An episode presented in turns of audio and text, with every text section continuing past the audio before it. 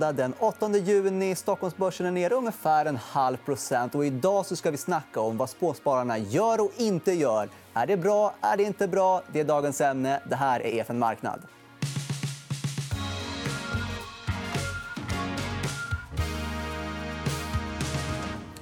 Ja, då passar jag på att välkomna dig, Johanna Kull. Du har ju stenkoll på vad småspararna gör och inte gör, eller hur? Ja, men jag har ganska bra koll på det. Och de har ju gjort en hel del de senaste halvåret, kan man väl säga. Mm. Det har ju varit otroligt hög aktivitet bland privatspararna. Och man ser att intresset för börsen, aktier och fonder har varit eh, ovanligt högt. Men det tror jag har liksom många olika anledningar. Dels framför allt den liksom väldigt turbulenta börsen vi har haft med väldigt snabb nedgång, snabb återhämtning och så mycket som händer däremellan.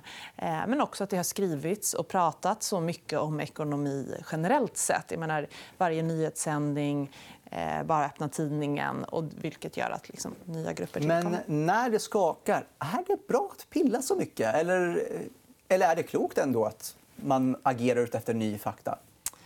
Det beror väl på vad man pillar med. helt enkelt. Men eh, jag skulle säga att eh, tittar vi på aktiespararna så har man agerat väldigt rationellt.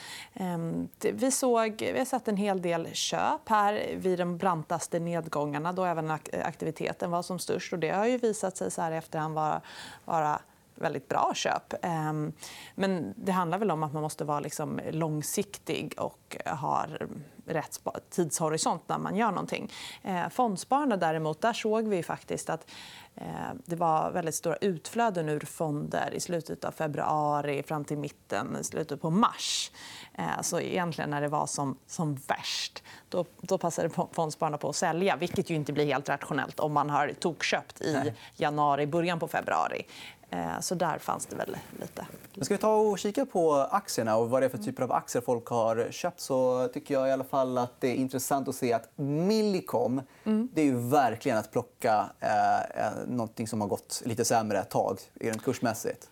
Det där är ju absolut bottenfiske. Eh, och Millicom, som jag tror svenska privatsparare hade inte så stor relation till Millicom fram tills eh, väldigt många människor fick det när det liksom eh, delades ut av Kinnevik. Eh, och då är det någonting som många har haft i portföljen. Man tänker telekom, stabilt, bra och tänker kanske inte liksom att på den exponering bolaget faktiskt har. Eh, exponering mot Latinamerika, framförallt väldigt beroende av kontantkortsförsäljning och så vidare. Så det är inte riktigt några stabila aktier som man tror. Eh, och så har man bottenfiskat när den har gått ner väldigt eh, kraftigt.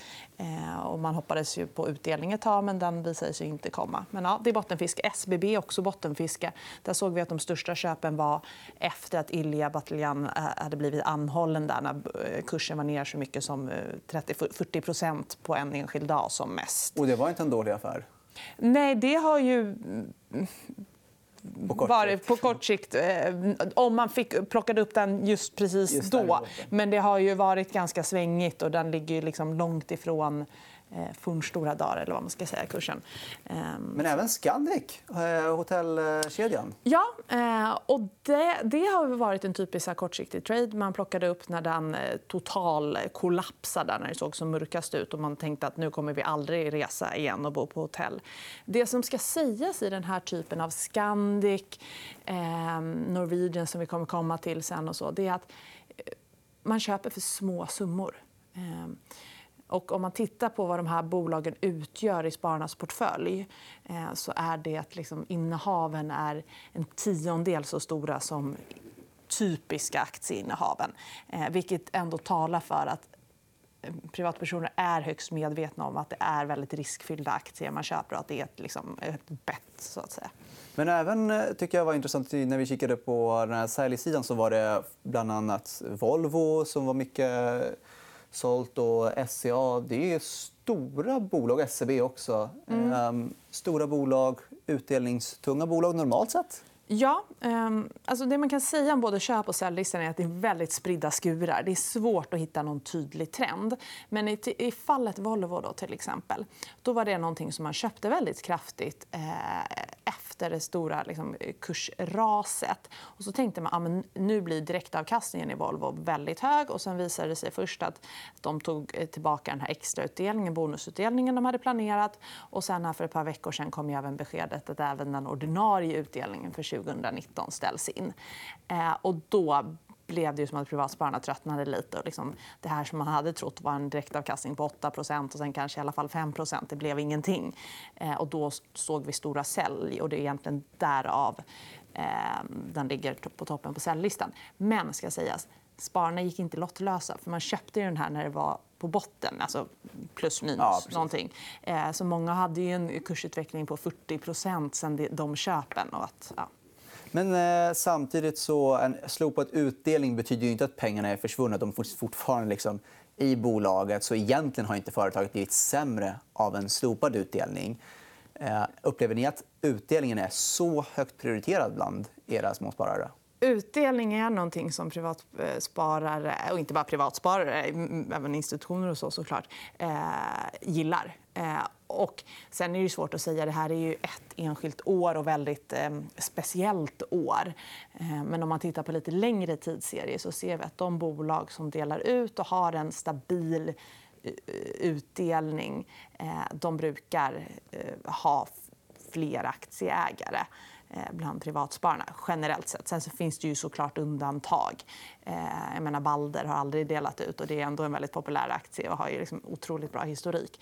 Eh, men generellt sett så är det så att många, många gillar utdelning. Och det brukar ju vara en liten huvudkudde så att utdelningen tenderar ju att svänga mindre än aktiekursen. Och det jag tycker det också är intressant är att det är inte alltid man får utdelningar i pengar. Vi kommer ihåg när Kinnevik delade ut till exempel Millicom. Mm. Då blev det prat om att eh, men man kommer först sälja Millicom för att vad är det här för bolag jag har fått i portföljen. Um, upplever ni att det är uh, mindre populärt när man får en aktie i utdelning?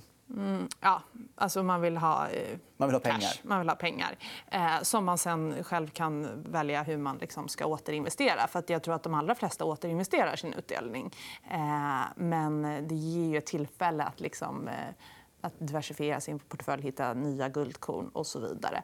Men Millicom, Electrolux Professionals är typ exempel på det här som bolag som, som man bara får i knät. Ehm, det som brukar vara där är att då brukar det vara så relativt små innehav. Ehm, så att antingen säljer man av det direkt eller så blir det ett sånt innehav som ligger och skvalpar i portföljen. Ja, intressant. Eh, cash is king är alltså för eh, utdelningsjägarna som är småsparare. Men eh, ska vi ta och kika på de utländska aktierna? Mm. För eh, där har vi sett en hel del aktiviteter. Um, alltså här är det ett par saker vi kan... Ska vi börja med att techbolagen är både på köp och säljsidan. Vi har Microsoft mest köpt, Spotify mm. mest sålt, Cisco är bland de mest sålda också. Mm. Hur tolkar man det här? Spridda skurar. Alltså det är jättespridda skurar, eh, de köpen och säljen vi har sett. Det som kan nämnas här är att det är absolut mest köp. Eh, det är väldigt många nya sparare som har hittat till utländska aktier under den här eh, perioden som har börjat köpa sina första eller liksom utöka portföljen. Så det ligger betoning på, på köpsidan här. Microsoft är ett typexempel på ett sånt här bolag som många har pratat om. att Microsoft är ett bolag som kan gynnas av pandemin så tillvida att liksom världen, tar en, världen tar ett digitalt språng. Microsoft Teams. Microsoft, Microsoft Teams. Eh, så många bolag som nu har möten i Microsoft Teams och det är konferenser. Och, eh, och det var, de har haft en fantastisk eh, liksom, användartillväxt där. Um, så att det är mycket coronavinnare. så att säga. Sen har vi också bolag som har eh, straffats väldigt hårt som Walt Disney som fick stänga ner alla sina nöjesparker under eh, under en lång under period. Tiden, ja. ja eh, och där kursen gick ner kraftigt. Plus biointäkter kan ju säkert tagit en ordentlig ja, men så att det är liksom, Norwegian får inte tala om någonting, ett bolag där, där man har bottenfiskat.